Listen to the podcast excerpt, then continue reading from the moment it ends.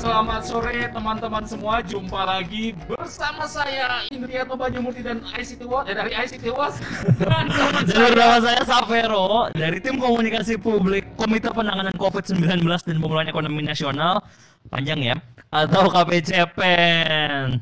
Di acara Di acara apa nih Mas Iwi ini? Ah, Baca aja Ayo berkabar COVID-19. Patuhi protokolnya Siap divaksinasi Lawan hoaxnya. Mana dong soal tepuk tangannya dong Tepuk tangannya dong. Ah, Waduh, nih banyak ya nggak jaga jarak. Itu suara doang sih Dan mungkin eh, Mas Indriatno, Mas Ibe kali ya. Yap, yap, yap, Nah, yap, Mas yap, Ibe nih buat teman-teman yang nonton biar kita akrab dan sama kayak minggu-minggu sebelumnya, minggu-minggu sebelumnya. Baru sekali Baru satu kali. biar sama kayak minggu-minggu sebelumnya, kita punya panggilan nih buat teman-teman yang lagi nonton. Apa tuh panggilannya Mas Ibe? Apa tuh? Sobat Padi Salah dong, bukan. itu band dong ya.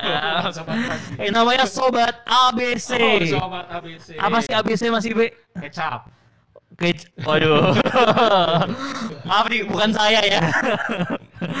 ABC itu ayo berkabar COVID-19. Oh, Jadi buat teman-teman yang uh, lagi menyimak acara ini, kita akan memanggil teman-teman semua dengan Sobat ABC. Wah. Kayak, wih nih, kayak Sobat ABC-nya banyak banget nih. Ini kayaknya dari minggu lalu sudah ada penyesuaian apa namanya kecepatan interaksi. Gajah gitu ya. betul, udah mulai lincah ya. Tepuk tangan buat at- apa teknisi di belakang. Wah. Sendiri. Oke, acara ini didukung oleh eh, acara ini terselenggara atas kerjasama ICT World bekerjasama dengan Rekon Rekon tuh. melawan COVID-19 dan juga dengan dukungan dari WhatsApp, dan UNICEF bersama bersama dengan mitra strategis dan pengetahuan dari Kemendikbud. terus Saya lihat Bapak males nih. dari Kemdikbud. Kominfo, lalu dari tempat saya KPCPEN, dan dan juga mitra kolaborasi dan komunikasi dari Siber Kreasi dan Dan? satu lagi yang terakhir apa relawan TIK. Iya ya Pak. Mungkin nanti bisa ini ya bareng-bareng ya biar saling melengkapi. Ya? Kok saya semua ya barusan. biar kasih Tapi nggak apa-apa. Dan hari ini kita akan bahas apa sih Pak? Kayaknya emang menarik banget sih topik yang akan kita bahas hari ini. biasa aja sih Biasa ya, ya maaf nih. Dan melalui podcast ini kita sebenarnya akan mengulas berbagai isu-isu terkini mengenai COVID-19 dan eh, seluk-beluk yang berkaitan dengan COVID. Karena namanya aja ABC. Ayo berkabar apa COVID-19. Gak ada panjang-panjang nyeritain sebenarnya udah ada tuh di, di layar udah ada tuh. Oh, iya, iya. hoax, kikis hoax, lawan konten dengan konten. Udah baca aja itu. Apa lu Iya. panjang-panjang cerita? Maaf saya saya emang anaknya suka improve. Oh, gitu. saya emang suka ngomong nih sama sobat ABC karena saya yakin sobat ABC bosen banget di rumah dan mungkin juga lagi capek, lagi lelah sore-sore baru beres kerja kecuali yang shift 3 baru memulai yang shift 3. Oh, lu biasa kerja di pabrik sih ya?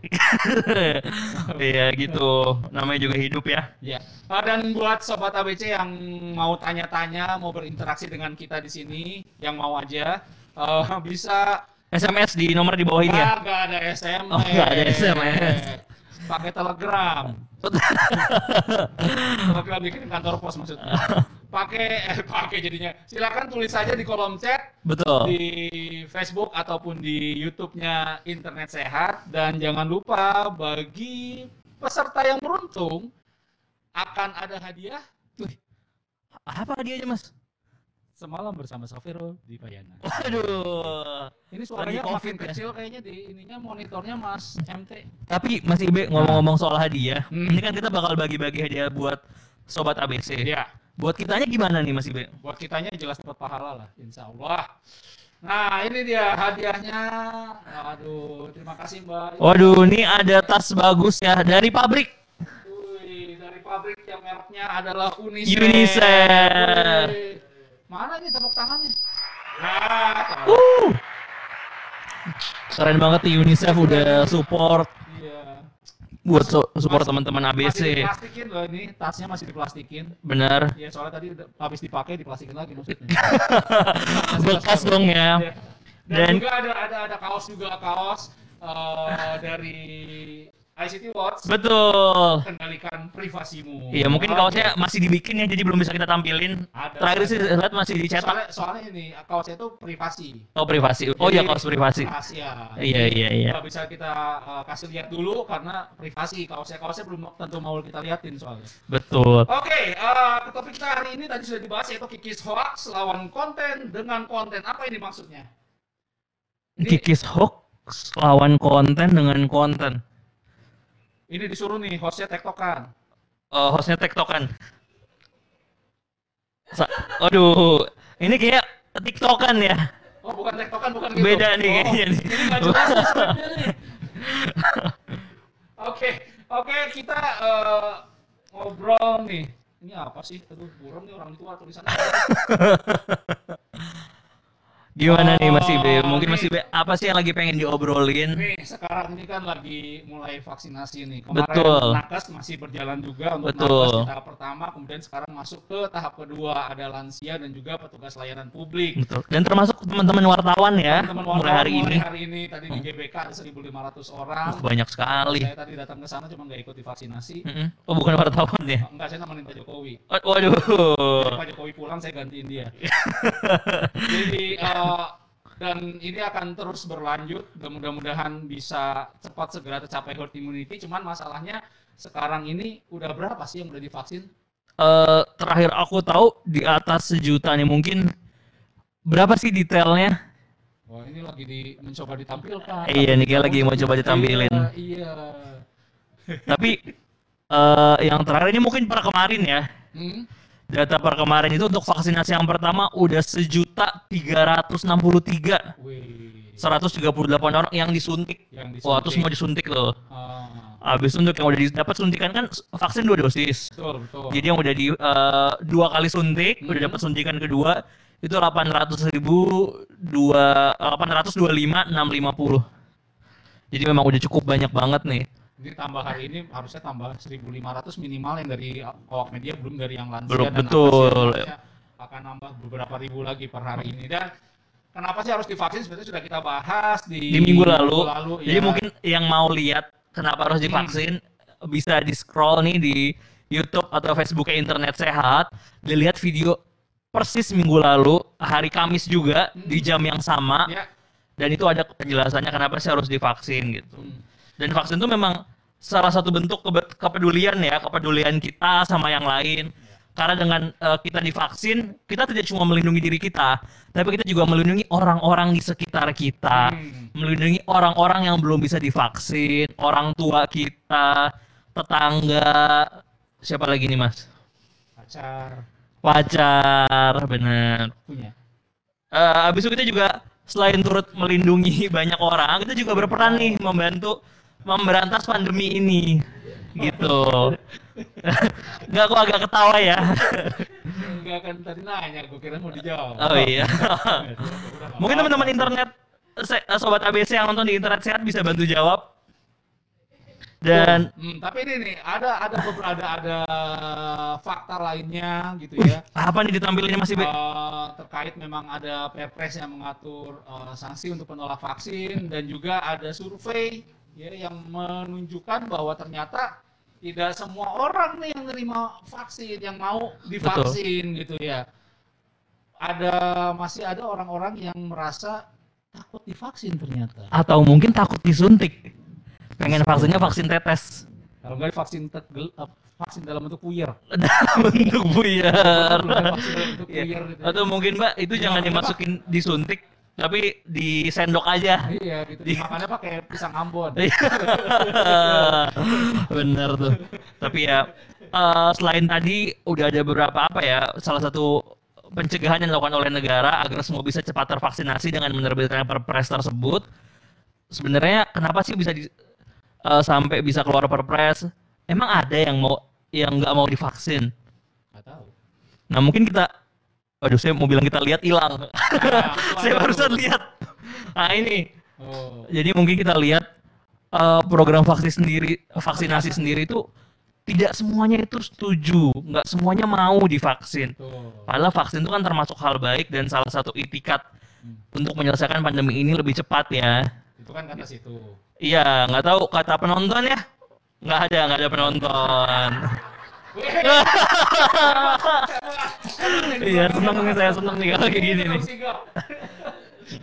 Nah, daripada kita pusing nih, kita Hmm? ngomongin hal survei, Survei, segala iya, macam. angka-angka pusing Eh, juga ya. Sebagai orang awam gitu ya, ngomong ngelantur ngalor ngidur, tetapi kita mendingan kita panggil eh, ahlinya.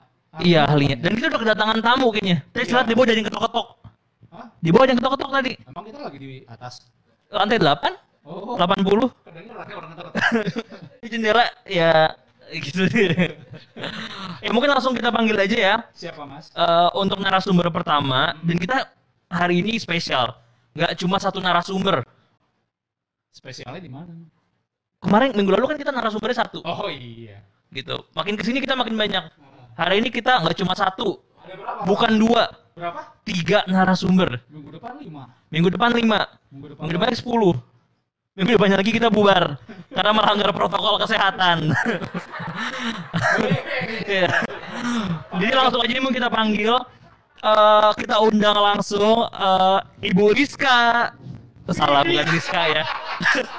Salah. Ibu Rizky. Saya mau kita panggilkan Ibu Rizky Syah Ika Syafitri.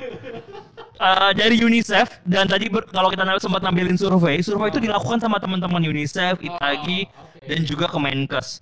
Dan daripada kita mikir sendiri, mungkin langsung aja yang eh, dari teman-teman UNICEF nih, Ibu Rizky Kasya Fitri.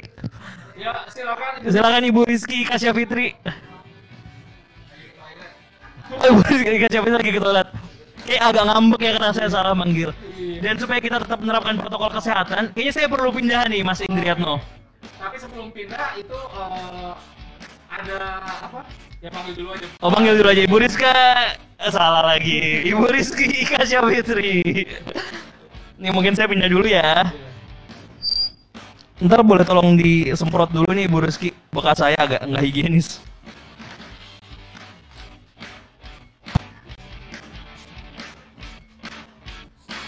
terima kasih Mas. Oh, ini ada office boy di studio kita.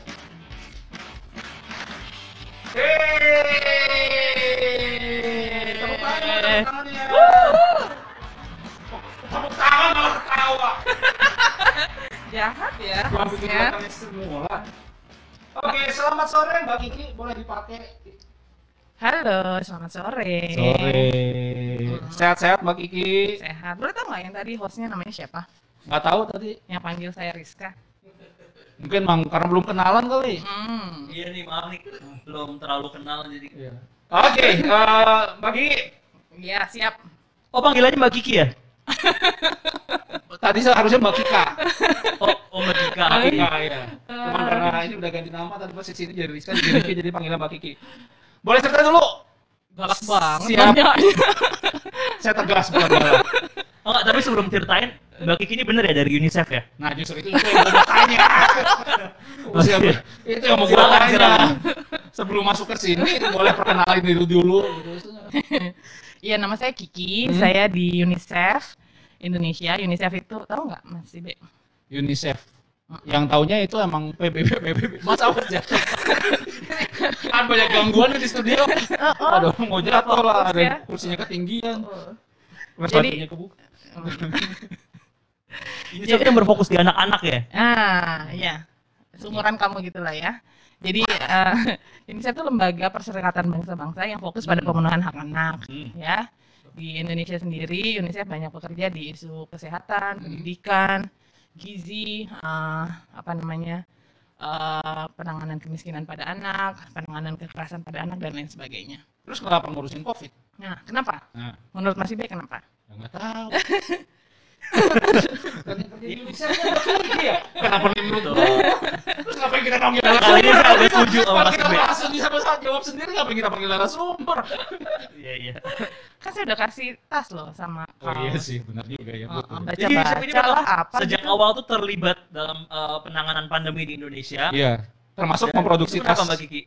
UNICEF. Nah, Ah, saya mau bicara sama Mas Ibe aja ya. Ya. Nah, oh, jadi eh, Iya, iya. Eh, kalau di kita melakukan beberapa studi, Hmm. yang paling menarik adalah semua orang tuh bicara eh, dampak kesehatan pada eh, pandemi itu dampaknya pada aspek kesehatan. Ya. Tapi sebenarnya ada secondary impact yang juga sa- jadi problem yang sangat serius, terutama pada anak. Misalnya karena pandemi ini anak nggak bisa sekolah, ya, Oke. sekarang sekolahnya online. Tapi ternyata misalnya kemarin kita ke Sukabumi aja, Hmm. yang wilayah Jawa Barat yang cukup dekat, dekat dengan Jakarta, itu eh, banyak yang nggak bisa online karena nggak ada akses internet. Oh. Ya. Jadi itu salah satunya. Kemudian kualitas pembelajaran jarak jauh juga masih belum optimal.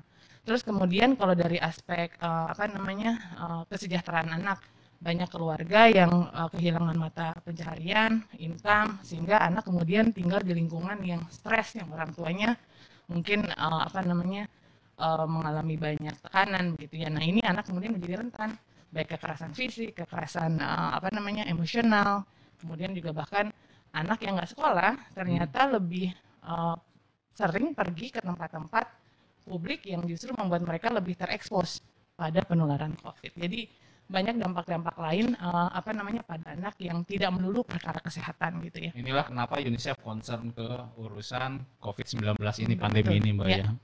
Betul dan bahkan kalau tadi kita lihat bersama ya sama sobat ABC juga eh UNICEF juga tadi bikin survei ya, Mbak Kiki betul ya.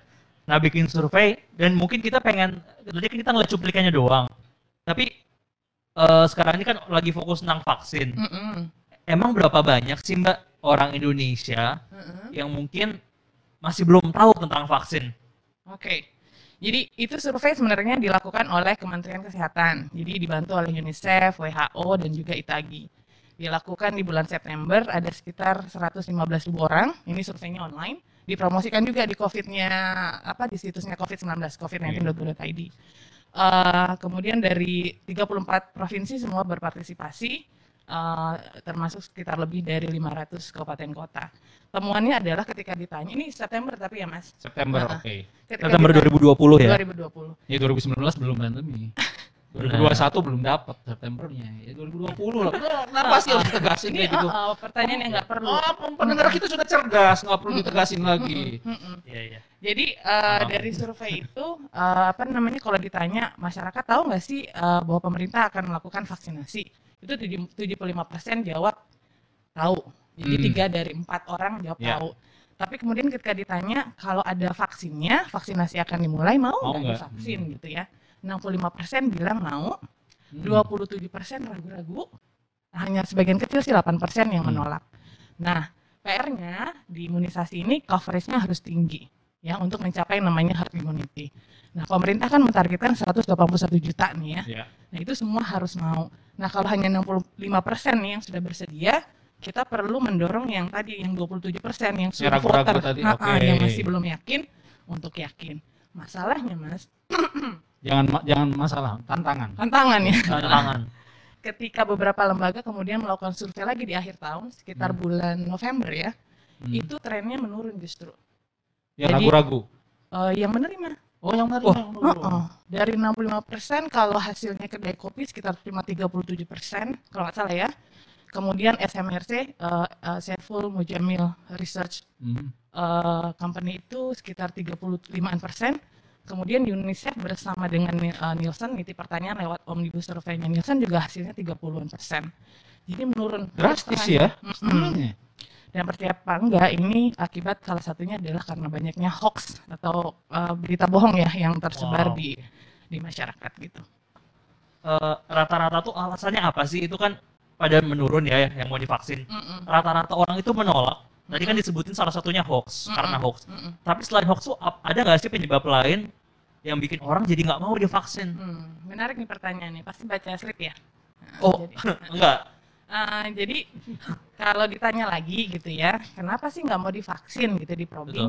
Ah, rata-rata tuh kekhawatirannya soal efektivitas, termasuk di dalamnya efek samping, Hmm. efek samping vaksin, kemudian eh, apa namanya eh, dan juga status eh, keamanan vaksin, dan juga ada sedikit yang menjawab soal isu kehalalan vaksin.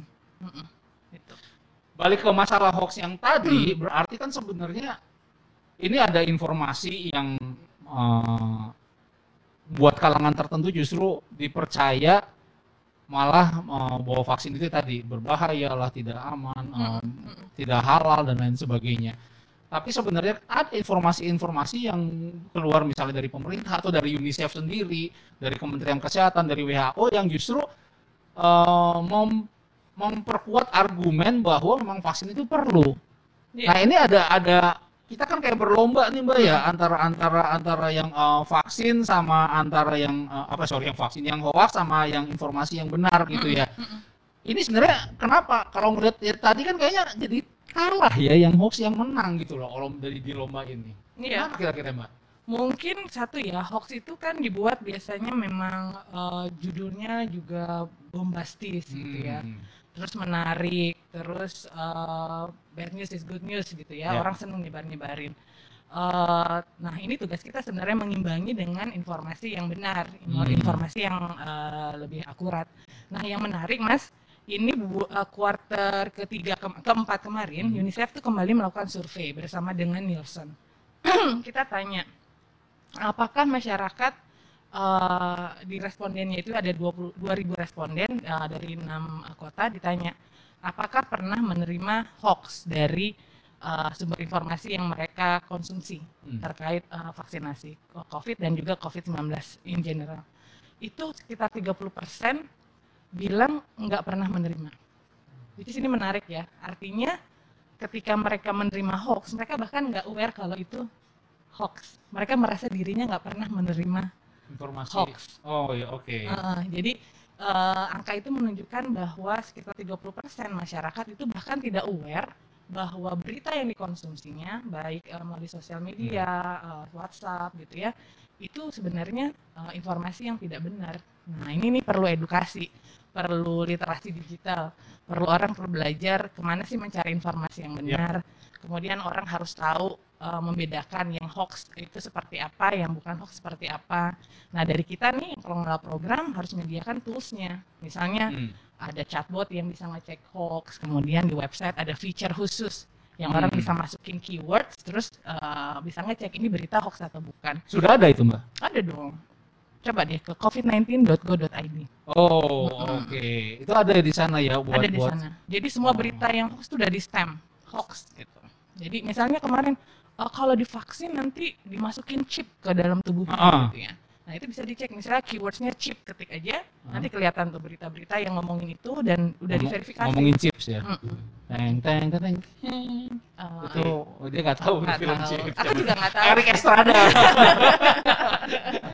Aduh, itu tua banget gue ya. Gue mempermalukan usia sendiri. Nah, ini jadi sebenarnya kan ketika tadi berbicara perlombaan, maka sebenarnya ada ada apa ya gap informasi, apa ya ya kekalahan informasi itu. Makanya kita harus menyiapkan strategi sebenarnya. Betul. Eh, bagaimana sih supaya informasi yang benar juga seviral si hoax tadi Betul, gitu ya. betul. Itu udah ada belum sih caranya, Mbak?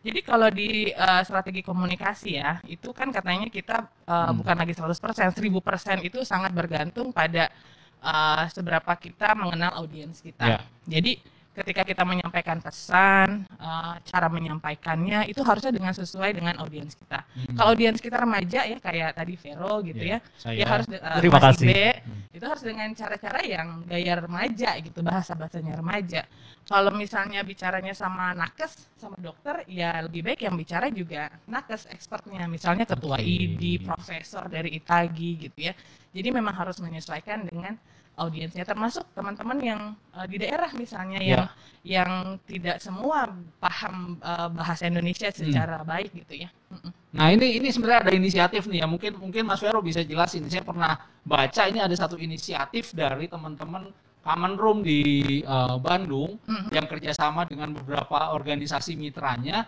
yang bikin apa ya kayak sum kayak Jadi bikin kayak buku gitu Kang. Buku Cuma menggunakan bukan? bahasa lokal. Saya, saya jadi ngomong ngomongnya Kang. dari, bahasa- dari Dari Bandung nih. Ah.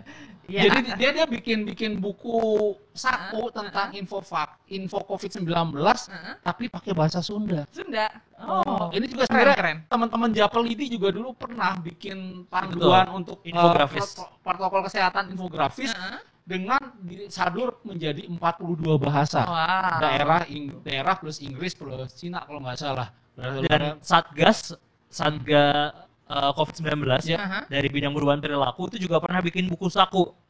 Buku sakunya itu eh, apa namanya disadur juga menjadi 77 bahasa daerah Wow, keren, biar keren. lebih mudah lagi dipahamin oleh teman-teman semuanya. Hmm, Jadi walaupun bahasa kita sebenarnya satu, bahasa Indonesia, hmm. tapi kan kita beragam. Iya. Iya. Gitu. Dan dari keberagaman itu, itu yang perlu kita hargai dan perlu kita akomodir. Uh, so, what's your orang UNICEF? UNICEF. Iya. Tapi mungkin sometimes we have to talk in English. Iya. Tadi mungkin udah dijelasin ya UNICEF Indonesia. Oh, iya. Nah, jadi atau bahasa Sunda mungkin Kang ya. Ini kan Indonesia bukan UNICEF Sunda. Ini keren banget ya kalau menurut Aduh. saya. Ini ini agak standar ya. Oh, boleh kasih, responnya. kasih boleh back, background musik yang tadi itu nggak fair yang Krik krik itu bukan. Bukan. Enggak. Enggak karena ini eh, apa ya kalau di teori komunikasi memang ini yang harus dilakukan. Hmm. Harusnya memang user eh, oriented gitu Ya. ya. Kita ngomong sama orang Sunda maksain bikin buku, bikin artikel, bikin eh, SOP terus nggak dibaca juga. Tuh. Kita udah seneng punya website, punya sosial media, semuanya bahasa Indonesia. Harus ada kerja-kerja kayak gini nih yang bantu di masing-masing daerah untuk membuat informasi itu kemudian memang bisa dipakai, bisa bermanfaat buat masyarakat. Hmm. Uh, kasih ya. Gitu. Jadi harus lebih banyak nih inisiatif yang kayak gini dan mungkin selain bahasa daerah tadi ya gimana kalau saya dari UNICEF eh, Pakai bahasa kalbu juga gitu ya. Percaya. eh ini boleh nyanyi ya? Boleh, Itu boleh. nih. boleh. Saya salah Ini? Silakan nyanyi ntar di mute. Tapi bisa kalau buat anak ya, Hmm. gimana materinya tuh bisa lebih Oke, menarik buat ya. anak. Misalnya dalam Lebih banyak bentuk visual. komik, ah, ah, kayak gitu. Tapi mau nanya sedikit nih. Mm-mm. Kalau buat anak itu kan Mm-mm. juga ada anak-anak yang tinggal di daerah. Mm-mm. Ya kan sudah dibilang bisa pakai komik. Mm-mm. Apakah berarti komiknya harus dibahasa daerahin juga Sebaiknya atau gitu. gimana? Sebenarnya di daerah itu udah banyak loh ini eh, apa namanya kesadaran-kesadaran atau bahkan nilai-nilai lokal terkait Hmm, kebencanaan gitu. atau wabah. Karena negara kita ini bukan kali ini aja kan ngalamin pandemi. Tadi yang Kang Gustaf bilang beberapa daerah tuh udah pernah ngalamin eh, hal serupa dan udah ada memori sebenarnya. Dan itu Pakai blok tadi ya. Mm-mm, dan edukasinya misalnya nggak melulu bisa buku, bisa juga berupa nyanyian, lagu. Percaya. Jadi orang lebih ingat gitu ya, lebih mudah dicerna juga. Kalau anak-anak Heeh. udah nggak anak-anak, Heeh. apa masih dibantuin UNICEF? Heeh. Mungkin Bentar, definisi anak-anak, definisi Nah, anak-anak ini itu saya mau tanya dulu nih, kalian tahu nggak batas usia anak tuh berapa? kalau berdasarkan undang-undang perlindungan anak, Mm-mm. eh, Berapa? anak adalah anak-anak. Oh. yang masih dalam rahim sampai usia 18 tahun. Hmm, luar biasa. Ini pasti Tolong bapak ini tangan. suka ngisi webinar parenting ya. Kerja sama sama KPPP. Apakah UNICEF punya apa oh definisinya sama? Sama sama Oh, anak sama, eh, oke. apa di bawah apa eh, di bawah 18 tahun ya. Tapi ada anak dan remaja dan anak muda. Jadi bukan cuma anak-anak Vero, tapi juga Hmm. eh, remaja ya. Karena UNICEF tuh menilai penting sekali remaja juga diberi ruang sebenarnya Hmm. untuk berkontribusi eh, anak dan remaja ya untuk menyampaikan pendapatnya Oke. eh, un- karena mereka juga punya hak yang sama sebenarnya cuma sering kali eh, tidak diberi ruang dianggap belum eh, cukup eh, mampu gitu ya. Padahal banyak sekali ide-ide dari anak-anak dari remaja tuh yang sebenarnya keren banget. Dan itu cuma butuh difasilitasi apa namanya didukung gitu ya. Hmm. jadi UNICEF salah satunya juga memberi ruang buat anak dan remaja jadi bukan cuma anak ya eh, untuk bisa berpartisipasi gitu Mbak Kiki, closing statementnya. jadi gini, kita semua merasakan dampak dari pandemi ini ya udah satu tahun Eh, dan cuma kita juga yang bisa sama-sama eh, keluar eh, dari pandemi ini gitu. Kita juga yang bisa melakukan sesuatu Eh, apa pun itu sekecil apa pun eh, kontribusi termasuk tadi ya menulis eh, artikel di apa tantangannya wiki sehat eh, itu penting. Hal lain eh, apa sebagai closing statement saya soal hoax tadi ya eh, rekan saya pernah bilang bahwa ini udah nggak boleh lagi bisnis as usual.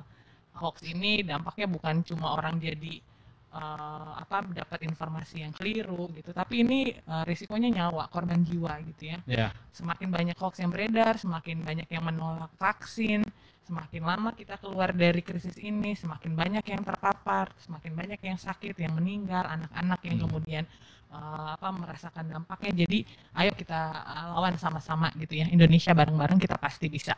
Wih, tepuk tangan dong. Ini paling menohok Indonesia nih. bareng-bareng kita bahasa Indonesia. Iya. Dan Mas Ibe, Itu suara ketawa apa suara tepuk tangan sih? dan Mas Ibe, Ya, ya, gimana eh, Mas kemarin Evaro? minggu lalu kan kita udah podcast juga nih. Nggak tahu. Ya. Iya, iya.